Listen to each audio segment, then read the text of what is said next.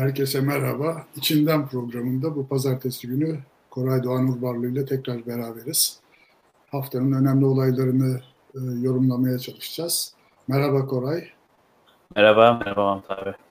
Gündemde yine e, Ayasofya'yı almak zorunda kaldık. Aslında biz e, ilk programımızda daha Ayasofya'yı konuşmuştuk e, ve epeyce detaylara girmiştik. Ama e, gördüğümüz kadarıyla herkes Ayasofya hakkında konuşuyor. Herkes Ayasofya hakkında yazılıyor. Bu mevzu daha bir süre daha sürecek galiba. Biz de burada biraz konuşalım. E, ama artık ne kadar yeni bir şeyler söyleyebiliriz bilmiyorum. Onun için iki e, iki konuya odaklanmayı öneriyorum ben. E, birincisi e, bu e, Türklerin, Türk sahanın daha doğrusu bu Ayasofya ile ve İstanbul'un fethiyle alıp veremedikleri nedir? Bu konuya bir girelim istiyorum biraz. İkincisi de e, Erdoğan bu kararı bu kararı niye verdi, niye şimdi verdi? Bu soruların etrafında dönerim. Onun dışında tabii konuşulacak çok şey var. E, hukuk mevzuu var. Hukuk, e, hukukun bayağı bir arkasından dolandılar. E, Danıştay'ı bu işe alet ettiler, öyle diyelim yani en e, masum tabiriyle. Bu konuda bugün e, gazete duvarda Ali Topuz'un çok güzel bir yazısı vardı. Eğer e, daha detayına girmek isteyenler olursa tavsiye ederiz. Bugünkü duvarda Ali Topuz'un yazısı hukuk garabetini, Ayasofya ile ilgili hukuk garabetini gayet güzel e, anlatıyor. E, iki de kaynak var. E, okullarımıza önerebileceğimiz okuma listesi verelim biz de bir şekilde. Hani Atilla İlhan'ın eskiden şeylerinde vardı. Gazete yaz, Meraklısına Notlar diye bir bölüm vardı. Bizde Tarih Vakfı 2015'te yaptığı bir özel sayı var. Onun e, Ayasofya sayısı var. Orada çok ilginç makaleler var. Özellikle Temel Dem'in yazısı çok e, aydınlatıcı bilgiler içeriyor. E, bir de İstanbul Araştırma Enstitüsü'nde Osterhut'un e, Amerikalı Profesör Osterhut'un bir e, makalesi var. Bu iki e, makaleyi hatırlatalım. Biz kendi konumuza dönelim. Ben Oraya... ikisini de bu arada açıklamaya koyacağım. E, tamam. Programdan sonra oradan e, evet, her ikisi internetten e, bulunup okula, okunabiliyor. Her ikisi de online olarak e, servisi açılmış. Ne diyorsun Koray? Bu e, aradan 500 yıla yakın bir zaman geçti. E, Türkler İstanbul'u fethedili. Ama bir şekilde sanki şehri benimseyememişiz gibi bir e, halimiz var. Her sene bu fetih kutlamaları falan Avrupa'da başka ülkelerde göremediğimiz bir şey. Yani e, neden hala bu fetih kutlamaları ihtiyacı hissediyoruz? Neden hala Ayasofya bizim mi, onların mı, cami mi, kilise mi tartışmaları etrafında dönüyoruz? E, sence ne, ne oluyor yani? Ee, şimdi orada sanki anlayamadığımız yani bizim anlayamadığımız bir duygu var. Biraz onu araştırmak lazım. Ee, o duyguya sahip olanlar veya o duyguya sahip olduğunu göstermek isteyenler de siz o duyguyu anlamazsınız diyerek zaten anlatıyorlar durumu. Yani işte Ahmet Hakan'ın e, dünkü yazısına ya da bir gün önceki yazısına bakarsanız muhafazakar camianın bu hissini anlayamayanlar bunu Ayasofya'nın önemini anlayamaz falan gibi bir şey var. Gerçekten Tabii bir de, anlamakta zorluk çekiyoruz. Ha. Evet yani işte karar açıklandıktan sonra Sultanahmet Meydanı'na gidip Ayasofya'nın önünde gözyaşı döken insanlar falan. Hani bunlar bize biraz uzak geliyor. Bunu kabul etmek lazım. Ee, burada bir e, hani biraz araştırdığımda iki noktanın Türk sağ ve özellikle Türk muhafazakarları için önemli olduğunu ulaştım. Yani öyle fik, fikir belirtmişler. Hani ben bir şey ulaşmadım tabii de. Ee, bir tanesi bu Türkçe ezan tekrar Arapçaya döndürülmesi bir de Ayasofya'nın cami olması. E, buna üçüncü olarak seninle de daha önce bir yazışmıştık. Hilafet fikri var ama hilafet fikri çok fazla bir e, karşılık bulmuyor. Çok çok radikal bir karşılık var. Zaten hilafetin tarihine baktığımızda da yani hilafet Osmanlı'dayken de aslında Osmanlı hilafeti çok fazla dünya Müslümanlarında karşılık bulmayan hatta bir iki hilafetin aynı anda olduğu falan bir yapı. O yüzden şeye dersek e, Ayasofya Türkçe yazan, Türkçe yazan zaten işte Adnan Menderes tarafından Arapçalaştırıldı. Şimdi Ayasofya kalmıştı. Fakat ben şunu düşünüyorum yani e, Ayasofya bir benzetme yaparak gideyim. En değerli zamanında bir bozdurulmuş bir kağıt mıdır şu anda Erdoğan için? Yani e, Ayasofya eski önemine sahip miydi? Ya da işte aynı şekilde Filistin meselesi eskiden e, olduğu öneme sahip mi Türkiye'de ve işte Türk muhafazakar camiasında? Bence değil. Yani burada Ayasofya en düşük değerindeyken bence bozduruldu e, Erdoğan tarafından. E, bu önemli bir durum. Yani gerekli yeterli etkiyi yarattı mı? Yet, e, hani ne dünyada yarattı aslında ne şeyde yarattı. Yani Yunanistan'dan birkaç e, tepki geldi. Yunanistan'dan sağcılar tepki gösterdi. Yani klasik aslında e, radikal sağcıların radikal sağcılara tepki göstermesi gibi. E, UNESCO falan tepki gösterdi ama onlar zaten e, beklenen tepkiler. Beklenen. Hem beklenen tepkiler hem artık biraz da dalga geçen tepkiler. Yani derin kaygı belirtti. Şimdi Twitter'da falan öyle hesaplar var. Avrupa Birliği kaygı belirtti mi diye işte yani evet her gün tweet atıyorlar. Eh biraz belirtti, biraz şey yaptı. Yani artık derin kaygı belirtmenin bir anlamı kalmadı.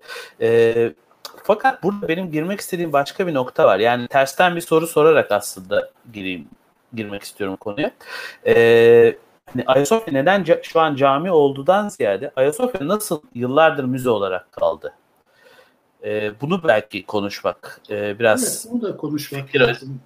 fikir açıcı olabilir. Yani bunun sebebi neydi? Hani şimdi bir bölüm insan e, hani bizim de yakın olduğumuz bir bölüm insan hani bir insanlık değeri üzerinden gidiyor. İşte Sultanahmet Meydanı'nda bir tarafta bir cami, bir tarafta Ayasofya işte e, Hristiyanlığın ve sonra Müslümanlığın önemli bir simgesi. Orada böyle bir karşılıklı bir durum var. Koray sesinde bir e, kopukluk var galiba ya da bana öyle geliyor. Bir e, kontrol eder misin? Bir sesin gidip geldi bir ara. Hmm, olabilir bilemiyorum. Şimdi geliyor mu iyi? Şimdi iyi geliyor.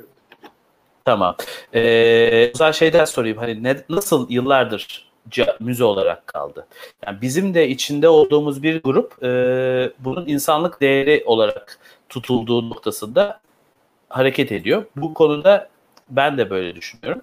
İşte Sultanahmet Ayasofya'nın karşılıklı olması böyle değerler falan. Fakat bir noktada Ayasofya'nın şimdiye kadar müze olmasının, müze olarak kalabilmesinin sebebi e, Türkiye içerisindeki bir değerler arasındaki güç savaşıydı aslında.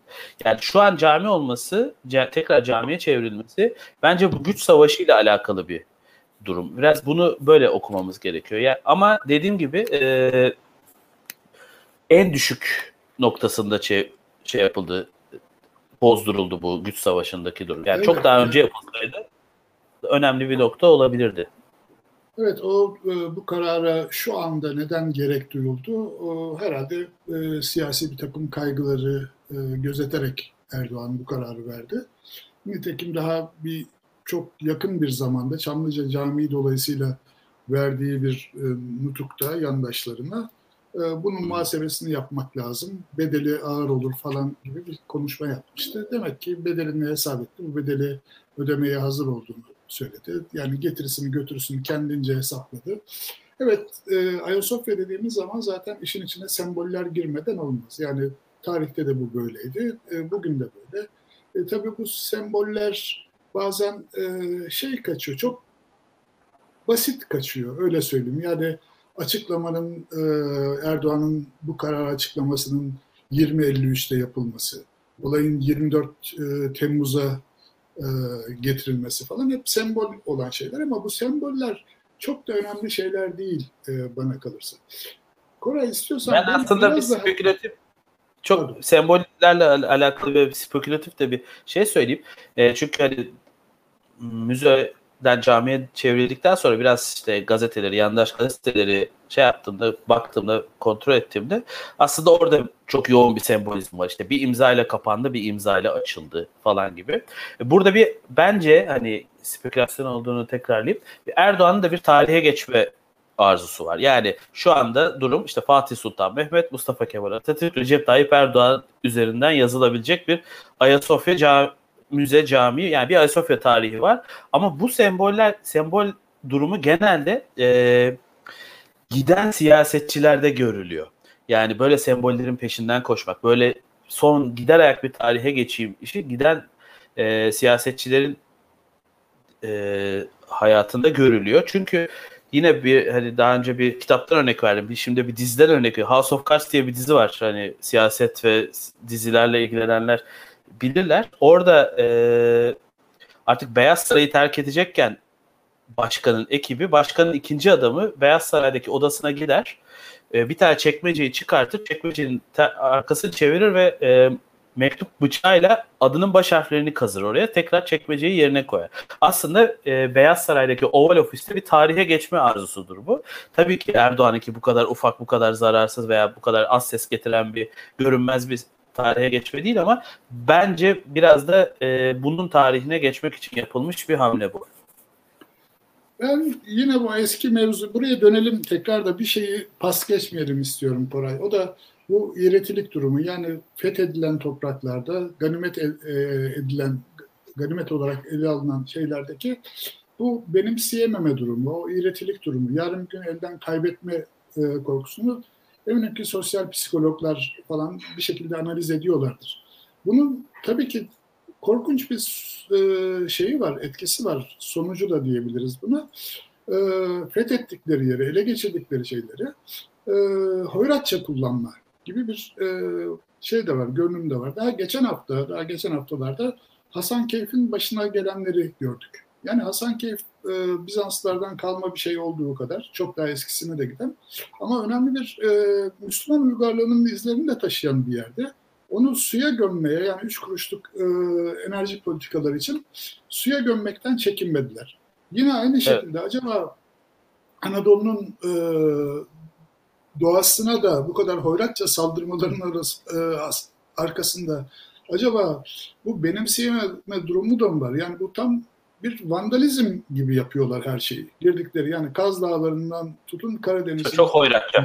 yaylalarına kadar hani insan e, hani düşmanı yapmaz diyebileceğim bir şeydeler. Acaba bu ruh halini bir şey bir gün e, sosyal psikologlar falan bize açıklarlar mı acaba? Yani bu Türk sahanının özellikle bu 500 e, senedir yaşadıkları dünyanın en önemli şehirlerinden bir tanesinde e, hala kendilerini misafir gibi görmeleri yani yarın bir gün sanki ev sahibi gelip de kendilerini kovacakmış gibi bir duygu, ruh hali içerisinde oturmaları. Ya insan nasıl olur da İstanbul'da yaşayıp da Ayasofya gibi bir yerde o, o binanın e, ihtişamından etkilenmez ben bunu anlayamıyorum. Yani bunu sadece bir namaz kılınan, secde edilen bir yer olarak görmek bence acınası bir durum, patetik bir durum var ortalıkta. Yani ben Ayasofya'ya e, mesleğim gereği binlerce kere gittim. On binlerce insana e, turist olarak turist rehberliği yaptığım yıllarda Ayasofya'nın ne kadar muhteşem bir yapı olduğunu anlattım. Ne kadar muhteşem bir tarihe sahip olduğunu anlattım. Onlara ne buranın Bizanslılar için önemi ne Müslümanlar için ayrı bir öneminin daha öne çık, yani böyle bir şey yok. Birisi öbüründen daha önde falan değil yani. Oradaki o mozaiklerin güzelliği kadar oradaki büyük hatların e, şeyi de çok önemliydi. O e, şahane kubbenin yani e, 537'den e, kalma kubbenin yanında Mimar Sinan'ın yaptığı payandalarla falan bütünleşmiş olmasını nasıl bu insanlar e, şey yapamazlar? Bir ganimet olarak görürler hala.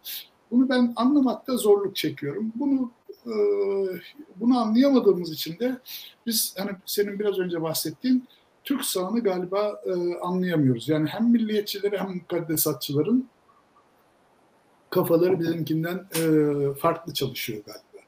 Şimdi farklı çalışan şeylerden bir tanesi de galiba biraz önce senin işaret ettiğin nokta, yani neden Tayyip Erdoğan böyle bir karar verdi meselesinde e, sanırım bunun getirisini götürüsünün muhasebesini iyi yapamamış olmasın. Evet doğru yani Lozan'da bir çent, e, Lozan'da bir gedik açıyoruz diyen e, sağcı köşe yazarları var. Ondan sonra işte bu batıya yapılmış e, jestlerin geri alınması, batıya teslimiyetin e, giderilmesi gibi düşünenler var, bunu yazanlar var. Ama daha önemlisi e, Tayyip Erdoğan eminim ki buradan bir çıkar, yani iç siyasette bir çıkar umuyordu.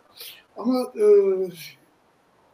en azından e, birazcık şeylere baksaydı, e, kamuoyu yoklamalarına baksaydı, e, o kadar da büyük getirisinin olmayacağını görmesi gerekirdi. Nitekim Metropol'ün e, bir araştırması vardı geçenlerde yayınlandı değil mi bu konuyla ilgili olarak ve hiç de tahmin edildiği kadar kalıcı bir e, getirisi olmayacağını gösteriyordu Ayasofya kararını. Evet, e, Ayasofya'da ibadeti e, bir kazanç olarak gören bir zümre var. Ama bunun ötesinde işsizliği dert edinen daha büyük bir zümre var. İşte enflasyonu dert eden daha büyük bir zümre var. Ya ne olacak bizim çocuklarımızın eğitim durumu diyen daha büyük bir e, zümre var Türkiye'de. Bütün bunların arasında e, Tayyip Erdoğan'ın sadece e, bu olay dolayısıyla gelecek oy oranını merkeze, siyasetinin merkezine koyması anlaşılır bir şey değil. Burada belki şöyle bir şey söyleyebilirim abi senin e, yorumuna. Şimdi Erdoğan'ın daha önceki siyasi hamlelerinde oyunu arttırma durumu vardı. Burada bana kalırsa artık bir e, çözülmeyi durdurma çalışması bu. Yani Ayasofya'nın e, müzeden camiye çevrilmesinin e, AKP'ye getireceği bir tane oy yok. Ama çözülmeyi kaçmasını engelleyebilir. Yani devam evet, evet. İyi Parti'ye kaçmasını evet. engelleyebilir ama evet. şimdi karşıt bulmadığı için Erdoğan bildiğimiz gibi hep karşıtlıklardan, çatışma ortamlarından beslenen bir e, siyasetçi. Ama bu durumda karşısında kimseyi görmeyince neyle e, beslenecek? E, Vatikan'la mı e, veyahut da işte e, Atina ile resleşerek mi e, yandaş yeni yandaş toplayacak emin değilim. Yani öncekilerden farkı bu aslında. Bu ilk defa çok bariz bir şekilde AKP'nin bir e, düşüş siyasi hamlesi oldu. Daha öncekiler bir saldırı siyasi hamlesiydi. Bu bir savunma siyasi hamlesi oldu. İlk defa artık kendisinin çözülmesini yavaşlatmaya çalışan bir e, siyasi hamle ortaya koydu. Yani işte, e, barış sürecini ortaya koyduğunda Kürtlerinden oy almak için yaptı bunu. E, ya da işte başka bir siyasi hamleye ortaya attığında işte milliyetçilerden oy almak için, işte Alevi açılımı yaptığında belki Alevilerden oy almak için yaptı bunu. Fakat Ayasofya açılımı diye bir başlık atarsak Ayasofya açılımı ilk defa AKP'ler AKP'ye oy vermekten vazgeçmesin diye yaptı. Bence önemli bir fark ve bir e, geri adım olarak da görülebilir bana kalırsa. Yani niye şimdiye kadar yapmadığını ve şimdi yaptığını gösteren bir durum. Şimdi bir e, bu konuda hani biz metropol anketinden bahsettik. Metropolün kamuoyu araştırmasından bahsettik. Oradaki rakamların pek de öyle e, e, Erdoğan'ın umduğu oyları getirmeyeceği açık. Ama bir taraftan da son zamanlarda biliyorsun yine yeni bir siyasi manevra yaparak TÜİK'in yapısını değiştirdiler. Ve e, istatistiki rakamlarla da artık e, güvenilirliğini ortadan kaldırdılar veyahut da tartışılır hale getirdiler öyle diyeyim. Artık Türkiye'de kimse işsizlik rakamlarının e, gerçekliğine inanmıyor. Yani yüzde 12 nokta bilmem kaçtı alt, alt, e, geçen hafta indi falan gibi böyle bir oyunlar yapmaya çalıştılar. Ama sokaktaki insan kendi işsizliğini bilir, çevresindeki insanların işsizliğini. Enflasyon rakamlarında öyle yani insanların hissettikleri, yaşadıkları enflasyonla e, açıklanan enflasyon e, rakamları birbiriyle uyuşmuyor. Sonuçta bir güven kaybı oldu. Yani devletin verdiği rakamlara bir güven kaybı, güvenin tar, tar, rakamların tartışılırlığı ortaya çıktı. Aynı olay e, Covid ile ilgili de oldu. Yani e, korona e, mücadelesinde insanlar her akşam televizyonlarda açıklanan rakamlara bakıyorlardı. Ve Sağlık Bakanı'nın verdiği rakamlar biraz da kişiliğinden gelen bir özellikle herhalde e, güvenilir rakamlardı. Ama son zamanlarda e, akşamları izliyorsundur Covid rakamları neredeyse sabitlendi ve artık o konuda da kuşkular oluşmaya başladı. Acaba hani e, biz e, Almanya'dan turistler gelsin, Ruslar Rus'tan turistler gelsin diyerekten e, gerçek rakamları gizliyor muyuz? Tabii ki bunu e, bu iddiaların doğru olmadığını söyleyecek verilere sahip değiliz ama bu kuşkunun yaygınlaştığını söyleyebiliriz. Ne dersin? Covid'e geçelim biraz. Vaktimiz daralıyor yine. Ee... Tamam. Yani şunu aslında çok kısa bir şey söyleyebilirim Covid ile alakalı. Bir bence e, hastalık şu an kronikleşti. Yani birinci dalga kronikleşti. Türkiye'de sayıda, bahsediyorsun değil Türkiye'de, mi? Türkiye'de tabii Türkiye'de evet. kronikleşti. Bir o var. İki e, yine bu yandaş basını baktığımızda yani açın bir gazeteyi herhangi bir yandaş gazeteyi açın aslında bir e, pandemi diyetine girmiş durumdalar. Pandemi diyetinden de kastım şu o tablo var ya turkuaz tablo kibrit kutusu kadar gösteriliyor gazetelerde. Yani sayfada bulamazsınız zaten. Bir yerde ufacık işte 19. sayfa, 17. sayfa bir yerde Aa, bir de böyle bir şey var gibi bir e, aslında işte bu hastalığı ya yine bir bunu e, karantina günlerinde söylemiştim. Ya bir varoluşsal yaklaşım var. O şeyi görmezsek tabloyu göstermezsek hastalık yokmuş gibi davranıyorlar. Sonra bir de insanlara kızıyorlar. Yani ben bakanın böyle bir şeyini de anlamıyorum. Yani niye bu hastalık kronikleşti onu açıklayacağına sürekli bir vatandaşa kızma. E vatandaşı bu hale getiren sizsiniz. Bundan da e, şikayet edemezsiniz. Yani bu var. Çünkü artık Fransa, İtalya ve İspanya'da hani böyle o bize kötüsünü gösterdikleri Avrupa ülkelerinde durum gayet e, kontrol altında. Fakat Türkiye'de yoğun bakıma rakamlarını bir bakın yani korkunç düzeyde. Ee, evet yani verdikleri rakam doğru olduğunu varsayar, varsaysak evet. bile e, yine de korkunç rakamlar. Evet yani bir kronikleşme durumu var. Ee, şey vardı aslında bu e, dünyada rakamların yüksek olduğu, vaka oranlarının nüfusa göre yüksek olduğu ülkelerin şey be- oldu galiba Koray bu e, pandemi e, Çin'den başladı. Şeyleri de var. Sosyopolitik durumu da var. O konuda ne dersin? Avrupa e, merkezli olarak bütün dünyanın ilgisini çekti ama şimdi Avrupa'da kontrol altına alındıktan sonra başka yerlerde bütün hızıyla devam ediyor. Bu bizim gözümüzden kaçıyor galiba. Ama e, hala çok e, dehşet verici rakamlarda. Yani Amerika'da günde hala 30-40 bin kişi yeni vakaya rastlanıyor. Hala ölüm oranları gün, dünyada günde 5 binden aşağıya denk düşünüyor. E, ve nüfusa oranı Amerika Birleşik Devletleri'nde her 100 kişiden birisi, e, ben rakamları yanlış okumuyorsam defalarca baktım, e, koronaya yakalanmış durumda. Brezilya hızla artıyor ki bunlar çok sonradan çıkmışlardı. Yani e, vakalar orada çok sonra başlamıştı.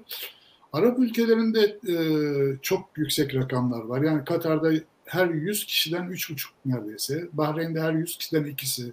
Kuveyt'te her 100 kişiden bir kişiden fazlası e, pandemiyle boğuşuyor. Hadi onlar zengin memleketler diyelim ama Şile gibi, Peru gibi, Panama gibi daha birçok ülkede e, vaka oranları artmaya devam ediyor ve her 100 kişiden birden fazlası Şili'de, Peru'da, Panama'da ve daha pek, pek çok ülkede e, bu hastalıktan etkileniyor.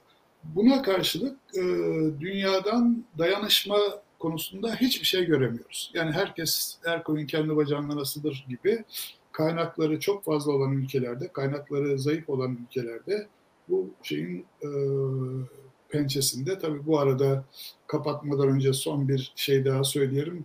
E, bu konuda etkin olması gereken Dünya Sağlık Örgütü'nden de Trump e, beyefendi e, Amerika'yı çekerek e, bayağı bir darbe de vurmuş oldu. Bakalım sonu nereye gidecek. Ee, evet. Koray e, Ayasofya hakkında daha pek çok şey söylenebilir diye hala söylenebilir. İşte Türkiye'nin batıdan kopuşuna yol açar mı açmaz mı falan daha çok konuşulacak şeyler var ama burada kapatalım istiyorsan. E, umarım e, daha fazla bu konuda konuşmayız. Ben bir tek şeyi dert ediyorum Koray. 1500 senelik tarihinde Ayasofya'nın yeni bir dönem açıldı. Bugünlerde geçer. Başka bir zamanda, başka koşullarda e, Ayasofya tekrar gündeme gelir. Ama burada önemli olan tek şey var. E, binaya ve oradaki eserlere, mozaiklere, fresklere kalıcı bir tahribat yapılmasın yeter ki. Ondan evet. sonrası... Ve bahçesine inşaat yapılmasın. alışveriş merkezi yapılacakmış zaten. Yani senin de, demin söylediğin şey çok doğruydu. Orada araya girmek istemedim. Yani bu Türk sahanın Anadolu'ya bir beton tırnak geçirme hali var. O burada sabit kalmak için herhalde bir e, tırnak geçirme durumu ve bunları da betondan yapma isteği var. E, yani Ayasofya umarım bu beton tırnak geçirmekten uzak kalır. Çünkü hemen medrese yapalım, mektep yapalım falan. Yani sanki medrese diye bir şey varmış gibi Türkiye'de. Medrese yapalım falan gibi isteklerde bulundular. Peki Koray, e, vaktimizi fazla aşmayalım daha fazla. E, tekrar tamam. iyi günler dileyelim. E, Cuma günü tekrar birde buluşuyoruz galiba değil mi? Başka evet, birde. programına. Hı hı. E, iyi günler. Hoşçakalın.